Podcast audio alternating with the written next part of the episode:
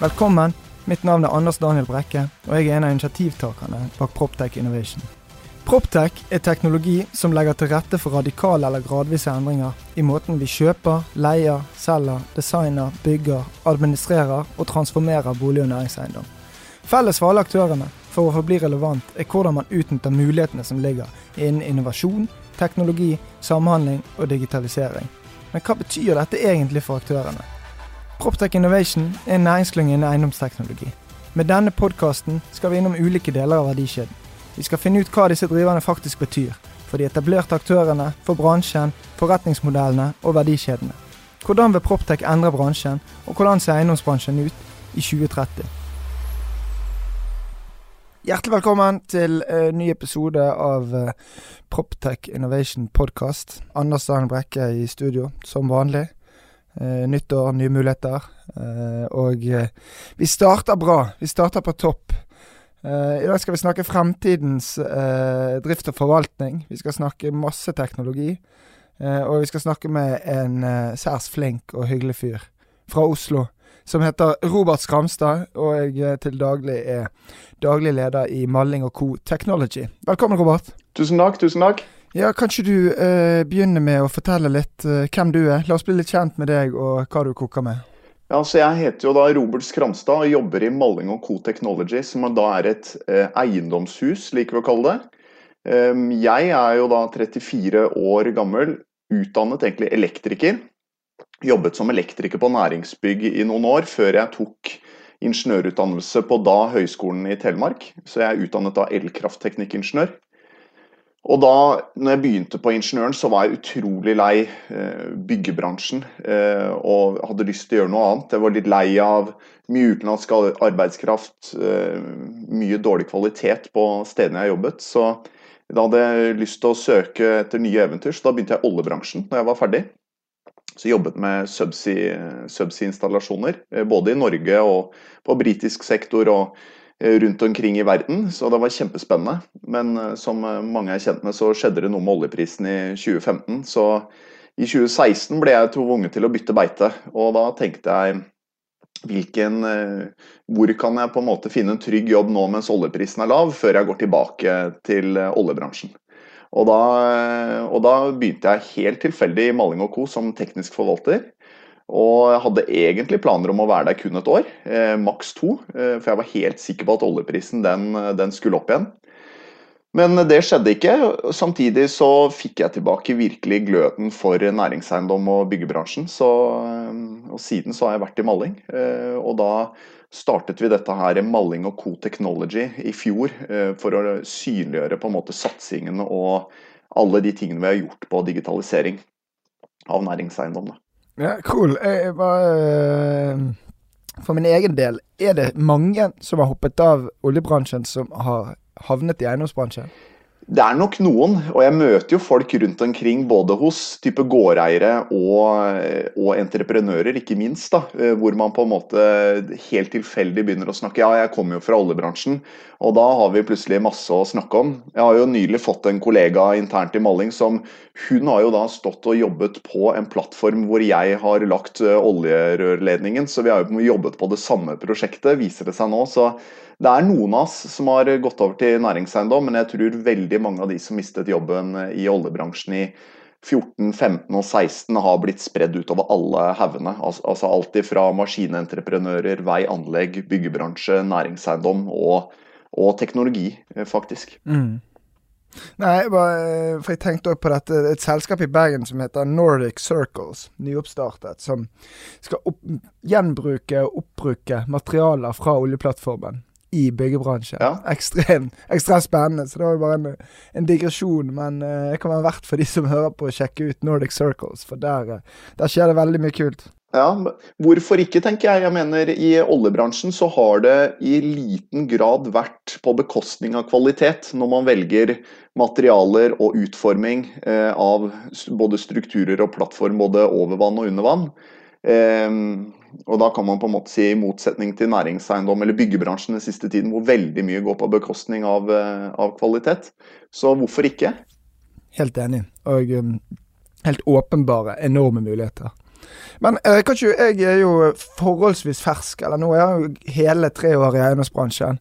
Eh, men eh, Og jeg kjenner jo godt til hva som rører seg i, i Bergen, og til for så vidt Oslo. Jeg har jo hørt om maling, men maling, er, maling og co. er jo et veldig svært og tradisjonsrikt eiendomshus, konsern. Kan ikke du bare ta litt om, om offeringen deres, og hva, hva er maling? Altså, Malling og co. Eh, de startet med det vi kjenner som eiendomsforvaltning i dag for nesten 60 år siden. Eh, da het selskapet Sjudia Malling, og på den tiden, i hvert fall på Østlandet, så var det ikke vanlig å leie ut eh, lagerbygg. Det var typisk de som hadde en produksjonsbedrift eller eh, hadde en eh, lagervirksomhet, som eide lageret selv. Så eh, Judy og Malling de startet med å kjøpe slike lager og logistikk og tidligere fabrikker, og deler opp og seksjonere og leie det ut. Og selve begrepet næringseiendom er Malling sjøl som har funnet opp. Så Malling senior som har på en måte æren for det begrepet vi bruker i dag som heter næringseiendom. Og Etter hvert så har jo eh, selskapet utviklet seg. Både innen den største delen av selskapet som er eiendomsforvaltning, men også tilegnet seg masse andre typer selskaper. Så I dag så er vi over 200 ansatte. Vi har et kontor i eh, Oslo, som er hovedkontoret, et kontor i Drammen og et kontor i Stavanger. Og da gjør vi alt ifra analyse, verdivurdering, kjøp, salg. Eh, vi har en eiendomsutvikleravdeling eh, som kan på en måte søke og føre opp eiendommen. Vi er ikke en entreprenør, men står for søknadsprosessen og dette her. Mm. Og så kan vi leie ut eiendommen for deg. Vi har jo Norges største næringsmegleravdeling. Så når bygget ditt er ferdig, så kan vi forvalte det. Da er det jo da både økonomisk, kontraktuelt og teknisk forvaltning der hvor jeg kommer fra. Og så har vi etter hvert da tilegnet oss andre type selskaper i konsernet, bl.a. energi- og miljørådgivning, som vi startet med i 2016, og da i 2020 teknologi. Så er det denne Vi kaller oss da et helhetlig eiendomshus. Det er fordi vi gjør alt fra A til Å når det kommer til næringseiendom. Og vi har jo også en vaktmesterstab på 55 vaktmestere som jobber rundt omkring på bygg vi forvalter. Så da føler jeg da at vi har ganske god innsikt i hva som rører seg både i og rundt eh, eiendommen. Ja, spennende. Uh, og da, du sier 2020 satsing på teknologi, så hvis jeg forstår riktig, så er, er jo da uh, det som er falt på ditt bord. Det er å dra den, Og den satsingen skal da gå på tvers av hele konsernet, regner jeg med? Ja, altså, Maling og Co Technology vi jobber litt sånn tredelt. Vi jobber eh, en del som internrådgiver. altså Hvordan kan vi tilegne oss nye typer digitale verktøy? Hvordan jobbe smartere? Hvordan kan vi bruke sensorikk, nye systemer, funksjoner for å forvalte flere kvadratmeter per hode enn det vi gjør i dag? Og så jobber, jeg, så jobber, vi ut mot eksterne gårdeiere, type smartbygg og andre eiendomsbesittere som ønsker å gjøre en eller annen form for digitalisering. Jobber med som strategisk rådgivning. Og så den siste delen som jeg syns er veldig veldig spennende, det er å jobbe mot teknologimiljøene. Alt fra små startups til store teknologigiganter som type GK, Caverion og Siemens og Schneider og disse her. Og starte sånne innovasjonsprosjekter og, og prøve da å tilegne leverandørbransjen litt kunnskap om hvordan eiendomsforvaltning og eiendomsdrift egentlig handler om. Og da er det jo sånn at Vi eier jo ingenting selv, vi forvalter kun på vegne av andre. Og Vi forvalter 2,5 million kvadratmeter næringseiendom, og det er kun næring vi forvalter. Og, og Våre oppdragsgivere de er alt fra svære investeringssyndikater fra utlandet til til mindre, eller mindre slash store pensjonsforetak i Norge, type Nordea og Oslo Pensjonsforsikring, ned til mindre private gårdeiere.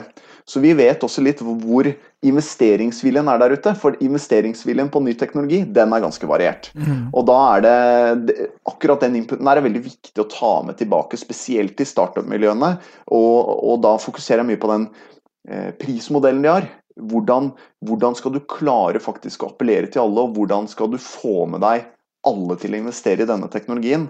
Én ting er liksom å få med seg Statsbygg og Entra og, og Storebrand og, og, disse som eier eiendommene selv og har mye mer midler, men hvordan skal du få med deg røkla? Altså resten av de som eier eh, som ikke er så store eller så profesjonelle. Og Da tror jeg dette med å ha fleksible finansieringsordninger, altså enten du kan kjøpe ut utstyret, du kan lease det, eller sånn som vi ser i veldig stor grad nå innen Proptech, dette med software as a service.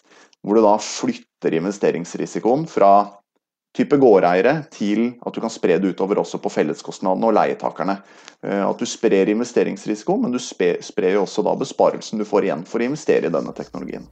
Ja, men Driver dere produkt- og tjenesteutvikling også, eh, eller er det den rådgiverdelen som er det viktigste?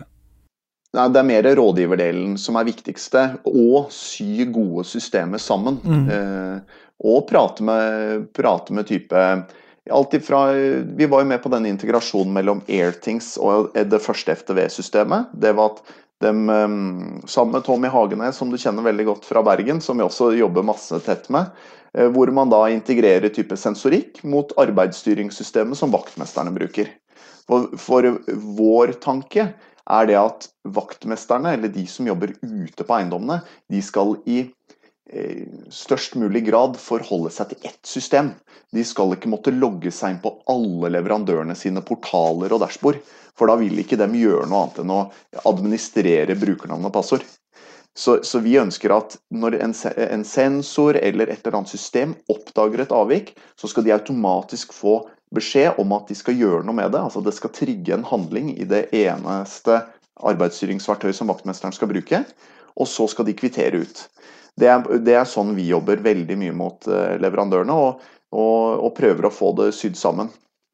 Det er nok kanskje i Hvorfor vi gjør det på den måten, er nok kanskje i påvente av et type nytt toppsystem da, som kanskje erstatter dagens S-anlegg på en litt smartere måte. Mm. Eh, at vi bruker det på den måten. Eh, ja, for jeg, jeg, jo, det er superinteressant. Og du har nok helt rett i at uh, det kommer til å komme den type løsning eh, på et type toppsystem, men det fordrer jo også at alle disse mikrosystemene eller andre systemene er i stand til å kunne snakke med det toppsystemet. Så det er jo på ingen måte gjort over natten. Ikke i det hele tatt. Og én ting er hva gjør vi med de eksisterende byggene, og hva gjør vi med nye bygg? Og det er jo mange som har prøvd før oss eh, dette her med å gjøre eksisterende bygg smarte med eksisterende bygningsautomatikk, f.eks og, og, prøve å samle data fra både KNX og Bachnet IP og prøve å se dette i sammenheng. og Det erfarer jo veldig mange at det er veldig vanskelig. Så, så vi må nesten begynne litt på scratch og, og bygge systemene fra bunnen av nå. Eh, dette med IOT og åpne API-er. Eh, og det er mange som sier de har det, men eh, det er ikke bestandig virkeligheten, altså. Nei, og det er veldig stor forskjell. Nå skal ikke vi snakke for langt inn i det, men det er veldig stor forskjell på et API. Ja. fra, et, et, API som kan enkeltintegreres til et som ikke kan det. Så selv om det er åpent og tilgjengelig, så kan det være en voldsom operasjon å kunne klare å integrere. Men men er jo, du er jo egentlig inne på, på sakens kjerne i forhold til fremtiden. At det er Man må se på dette som et økosystem, altså som et system av system systemer. Eh, jeg tror de som tror at de skal gjøre alt sjøl, eh, de vil etter hvert ikke lenger være relevant. For man kan ikke være best på alt. Nei, og da tror jeg du blir, blir sittende igjen, hvis du skal gape over for mye, da, så tror jeg du blir sittende igjen med en sånn type SAP-løsning. Yes. Hvor du har altfor mange muligheter og et dashbord som er helt uhåndterlig. Og, og, det er jo typisk sånn vi ser bygningsautomatikk eller adgangskontrollanlegg, slike bygningssystemer vi kjenner i dag, som har prøvd å gape over for mye. og Brukergrensesnittet er komplisert, utdatert og ikke veldig appellerende. Ehm, og jeg tror ikke man skal gape over for mye, så jeg er helt enig med deg der at eh, man må heller lage gode API-er og funksjoner som kan integreres lett på tvers. Og så eh, må man kanskje bygge dette framtidens toppsystem sten for sten. Mm. Så, men, men, hvordan det, eh, når folk spør meg hvordan kommer framtidens toppsystem til å se ut, så sier jeg jeg aner ikke. Og når de spør meg hvem kommer til å eie det, så sier jeg det vet jeg i hvert fall ikke. Mens bygningsautomatikk og de som leverer typisk gestanlegg, har jo hatt muligheten til å utvikle dette her i mange år. Men det er jo de som blir akterutseilt nå. Det er helt riktig. Og, og det, det, sett med erfaring fra andre bransjer òg, så er det godt mulig at de som lager dette toppsystemet, som faktisk kommer til å fungere Eh, på ingen måte kan noe om eiendomsbransjen. det ser vi jo flere og flere steder at eh, Ja, er, ja men ja. Det, det, ikke sant? til slutt så handler det om å eh, å håndtere man skal, Det er signaler. Det er, det er enere og nullere. Og så er det Du skal helst uh, utbedre en ting før det havarerer helt. Og det er snakk om god avvikshåndtering. Mm. Så kan man selvfølgelig snakke om alt dette andre, andre med energioptimalisering og sånne ting. Men det handler jo basically om å bruke dataen på en smartere måte. Helt rett. Helt enig. Og det var vel du som sa det når jeg snakket med deg for en stund tilbake siden, at ni av ti av de som snakker om Proptech, driver jo egentlig med energiledelse. Stemmer ikke? Ja. Og den, den traff meg midt i, i, i midt i, i, hjertet, for det er nøyaktig det samme jeg har tenkt òg. At nå må vi vi må løfte blikket utover Men jeg skjønner at dette er et veldig hett tema, og det er en enorm kamp der, så, rundt det området rundt energiledelse, og mange aktører som prøver å løse det. Men um, det handler om veldig mye mer. Og du treffer egentlig spikeren på hodet med å si at det handler om å bruke dataen. Mm. Om det er til energi eller til drift eller andre avvik, det spiller for så vidt ingen rolle. Nei, og det er jo litt av det vi erfarer når vi drifter disse byggene òg. Eh, og vi, vi har en, eh, en, hel del av disse Bream-sertifiserte byggene i vår forvaltning. Og, da, og um, i Oslo i hvert fall, så er det de største leietakerne. De begynner jo nå å ha så store miljøambisjoner at de kan kun leie i et Bream-sertifisert bygg. Og Da fører entreprenør opp et kjempeflott bygg som har et sertifikat nede i inngangspartiet. og Så sier leietaker vi er kjempeopptatt av bærekraft, og så flytter de inn i det bygget. Og idet de har flyttet inn, så glemmer de alt fokus de har på bærekraft. Bygget blir brukt på akkurat samme måte.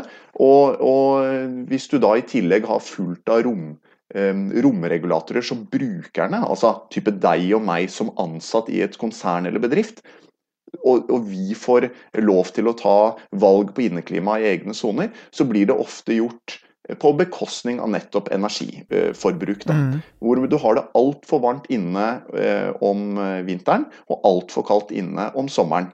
Um, og, og, gjerne da på bekostning av både energi, men også din egen produktivitet.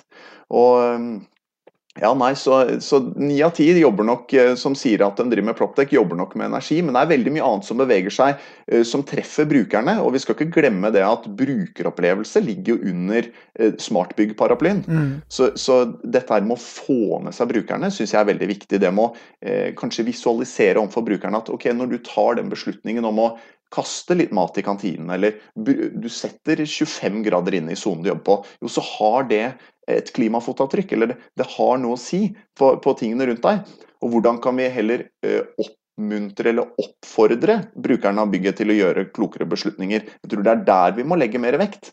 For jeg er helt sikker på at de ikke har det sånn hjemme hos seg selv. Hvor de selv betaler for strømmen. At de har åpne vinduer om vinteren og, og, og 25 grader, det tviler jeg på. Mens på næringsbygg så glemmer folk litt dette her. Og, og alle snakker om 40 %-bransjen. ikke sant? 40 mm. forbruk og 40 eh, avfall og, eh, og, utslipp. Så jeg tror vi må, begynne, vi må begynne å angripe problemstillingen fra den andre siden litt. Det er den ene tingen. Og den andre tingen da, det er jo at kostnadene på et næringsbygg, altså driftskostnadene på næringsbygg ok, I majoriteten av byggene så er det fyring og, fyring og strøm som er kostnadsdriveren. Men vi har andre kostnadsdrivere også. Statsbygg f.eks. En av kostnadsdriverne deres er jo renhold. Og jeg vet at Statsbygg har jobbet kjempelenge med dette å behovsstyre renhold på de vanvittige mengdene med kvadratmeter de har. Og der er det penger å spare. Og i Oslo, da, som vi jobber mye, så eh, er det veldig mye penger å spare på vakthold. Altså, det vi ser er at alle steder hvor det er mennesker som skal inn og gjøre en funksjon, gjøre en tjeneste, så øker jo kostnaden nesten med, med, med 2,5% hvert år. ikke sant? Mm. Og det samme gjelder jo våre egne vaktmestere. Det øker hvert eneste år. Så hvordan kan vi erstatte menneskebruken med digitalisering? Der bruker vi mye krefter, spesielt i Oslo, og der har vi gjort masse på vakt og sikring de siste årene. Dette med behovsstyrt vakthold, bruke videoverifikasjon eh, før man rykker ut med en vekter, og bruke teknologien på tvers for å på en måte ta kloke sikkerhetsbeslutninger. Da. For en vekter det er dyrt å ha gående rundt på kveldstid til enhver tid. I veldig mange tilfeller så koker det ned til, som du sier, eh, hender og føtter. Altså timer. Det er den som er den største kostnadsdriveren. Så hvis du klarer å optimalisere og effektivisere den, eh, så, så, vil du jo kunne stoppe den ja, økningen i kostnader, da, hvis jeg kan si det på den måten. Mm. Ja, men det med vakthold er jo egentlig et kjempegodt eksempel. Det har ikke jeg tenkt på. Men selvsagt, med hjelp av teknologi som egentlig er ganske Altså, video har vi jo hatt i 100 år, eller i 20-25-30 år, vet, ikke vet jeg, men det har vi jo hatt lenge. Men også bruke det da til helt definitive og synlige besparelser. Ja, det er et kult eksempel. Ja, og vi hadde Vi forvaltet et kjøpesenter på østkanten av Oslo. Eh, hvor det var litt tøft nærmiljø.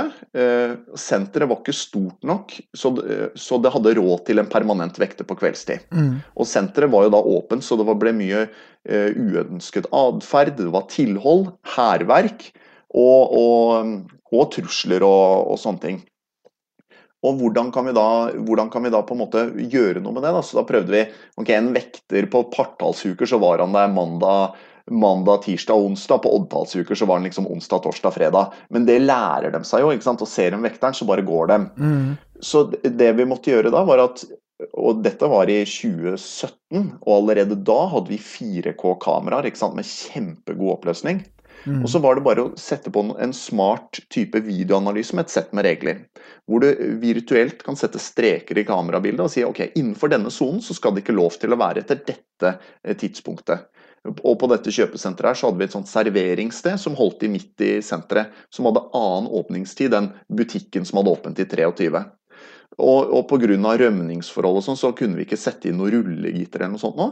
Eh, så da um, stengte vi bare av med sånne sperrebånd, men det hoppa jo bare disse folkene over og satte seg ned. Mm. Så da satte vi en regel om at ok, etter dette klokkeslettet så er det ikke lov til å være innenfor der. Så på videokamerabildet så tegner du bare en strek, og så trigger det en hendelse. Og da får vaktsentralen opp ok, å nei, det er bare vaskedama som er der og tørker over bordene og støvsuger teppet. Da trenger vi ikke å rykke. Og så eh, ser de plutselig oi, her er det en ungdom som setter seg ned og lader mobilen sin eller begynner å henge. Og da hadde vi også montert talevarsling, så man sier hei, du som sitter der med grønn eh, jakke, vennligst forlat eh, området, dette er sperret av og stengt nå. Hvis du ikke etterkommer beskjeden, så sender vi vekter. Og som regel da så flyttet de seg. Men det de gjorde da, var at de skjønte ok, her er det alarmert, men da kan vi bare begynne å stå på utsiden. Men da la vi inn en annen regel at dersom det står to stykker mer enn x antall sekunder, så går kamerabildet opp igjen.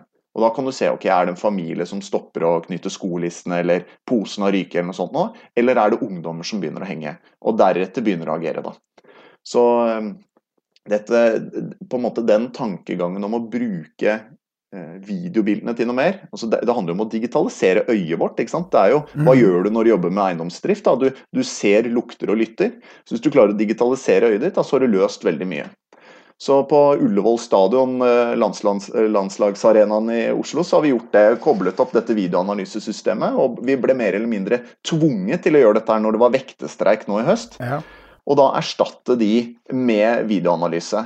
Hvor du setter opp et sett med regler, og du teller hvor mange mennesker som går ut og inn, hvilke dører, hvor er det folk, og i tillegg så har vi da mikrofoner på kameraene som detekterer eh, eh type skrik, alarmer, eh, pistolskudd, glassknus, alle disse tingene. Og så kan du eh, trigge hendelser og heller sende ut folk når det skjer noe, istedenfor å ha en vekter som går rundt og sjekker da hver kveld. For det er unødvendig, unødvendig tidsbruk når kamera, kameraene allerede kan fortelle deg er det folk her eller ikke. Ja, og klart eh, nå eh, kommer jo kunstig intelligens og tale for fullt, så det er jo ikke så langt unna sannsynligvis heller at det, det bare går av seg sjøl. Eh, også gi beskjed til han i den grønne jakken. ja. At han må flytte seg, osv. Ja, men det fins jo. Ja, At vi blir enda smartere. Ja, ikke sant. Men det, det, som vi syntes var litt kult, da, var at ok, men nå, nå, ser vi jo hva som skjer, og vi bruker det på vakthold. Men hva kan vi bruke dette til på dagtid? Jo, da satte vi opp streker på, i kamerabildet og så sier vi ok, når folk går ut og inn den døren, så skal vi telle det. Mm. Så da kan vi gi denne informasjonen til butikken. Daglig så har du x antall eh, kunder som går inn og ut, og dette er tider på døgnet hvor det er mest trafikk. Kundetellere er ikke noe nytt, men nå kan vi kombinere flere funksjoner i ett system. Mm. Men så bruker vi den informasjonen til at ok, når skal den døren vedlikeholdes? Hvis du da ser på FTV-dokumentasjonen, så står det at denne døren skal vedlikeholdes etter tre millioner åpninger. Og så kan vi sette en regel nå, så har vi lagd en integrasjon mot FTV-systemet vårt. at når en dør har vært brukt tre millioner ganger, så sendes det automatisk en arbeidsordre til vaktmester som sier smør opp dør til den og den person eller den og den oppgangen. Mm. Smack. Behovsstyrt vedlikehold. Og da har du behovsstyrt vedlikehold ved bruk av teknologi som egentlig skulle løse et problem med pøbler i fellesområdet. Ja. Og det er veldig stilig. Og det, det, det, det, er et veldig godt eksempel på det at man bruker eksisterende teknologi til å løse et nytt problem. Så kan ja. si det på den måten. Og jeg, jeg, tenker det at når de systemene blir så åpne og tverrfaglige, så er det bare fantasien vår som setter grenser.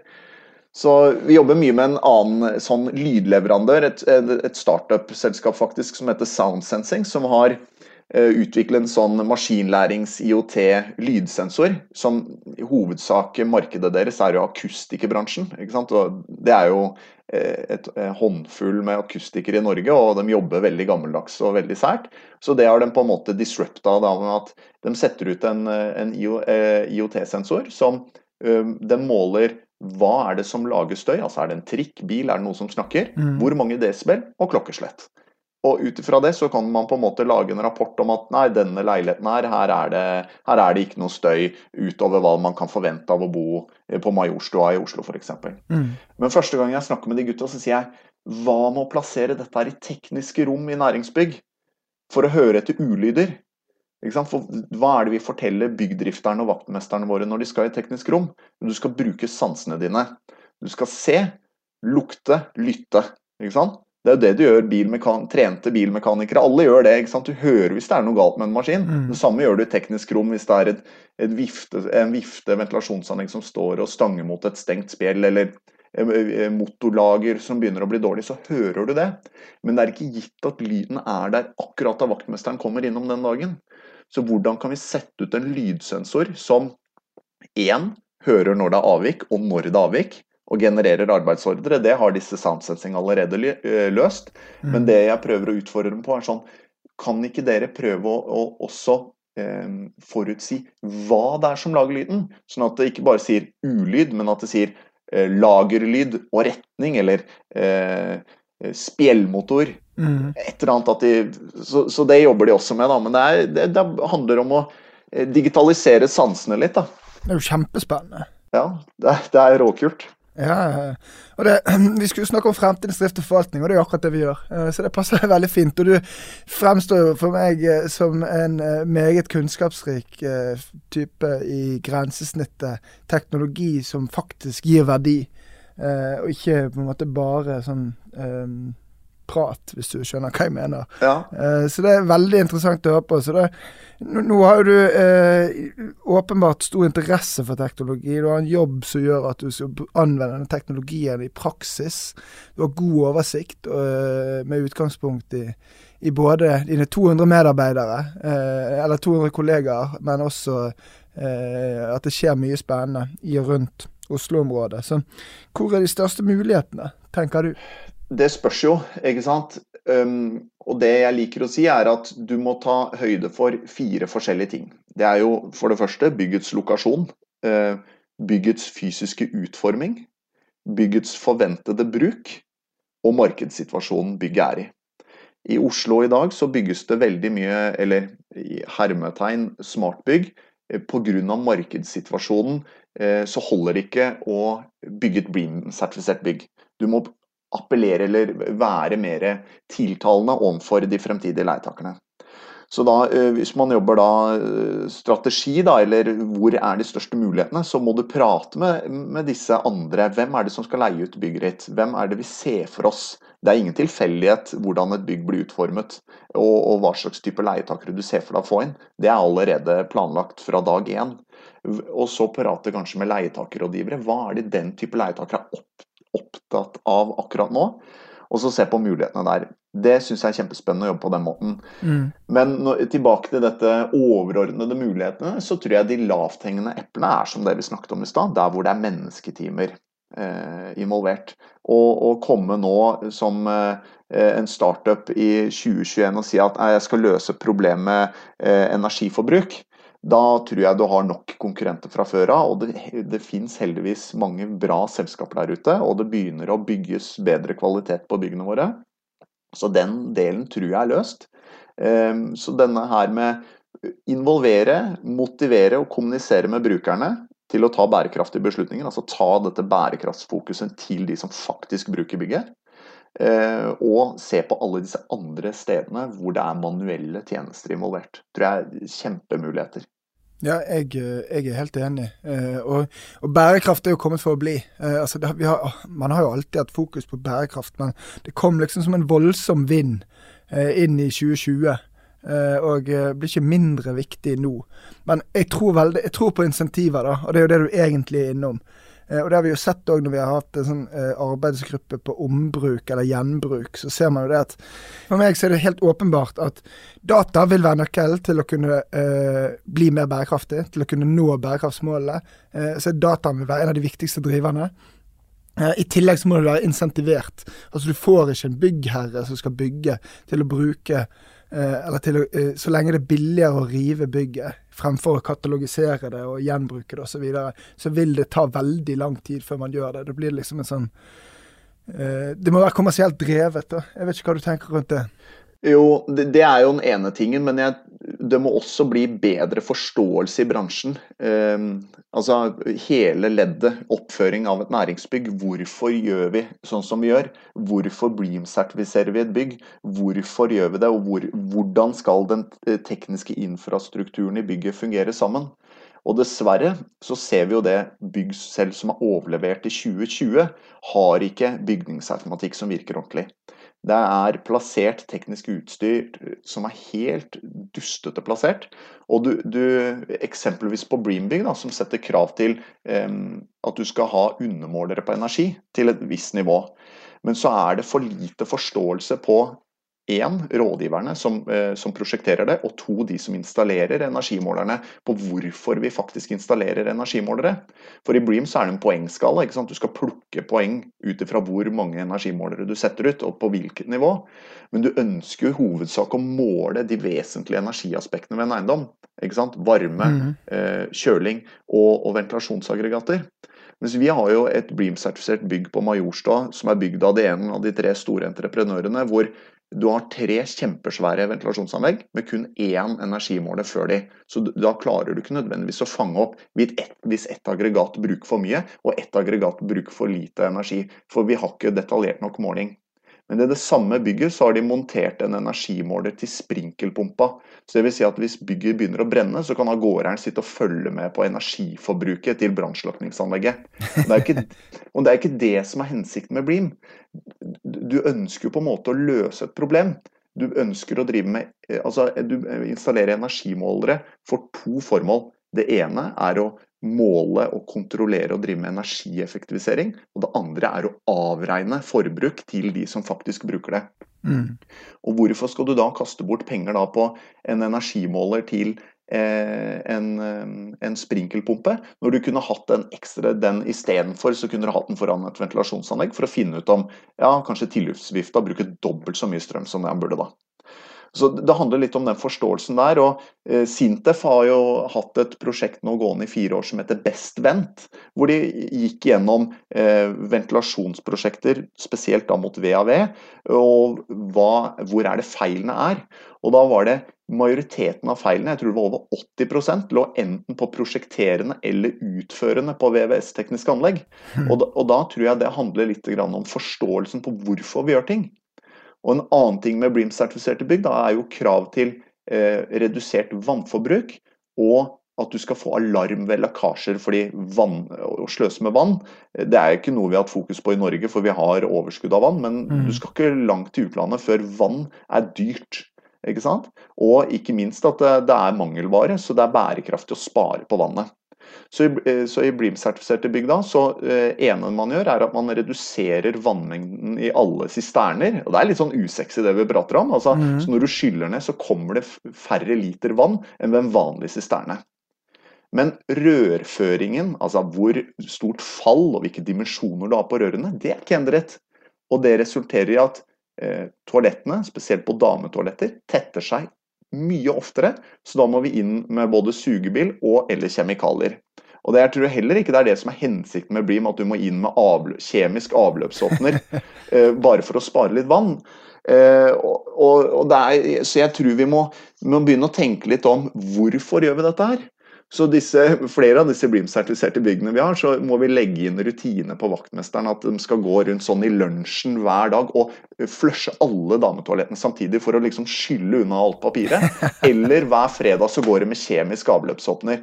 Både i håndvasker og, og sisterner. fordi det er behovsstyrt vann ikke sant? som berøringsfri servant, og så er det etterrenningstid. Faktisk et begrep, bare å lære seg. Mm. Etterrenningstiden i disse byggene er null, ikke sant? så idet du fjerner hånda, så slutter vannet å renne.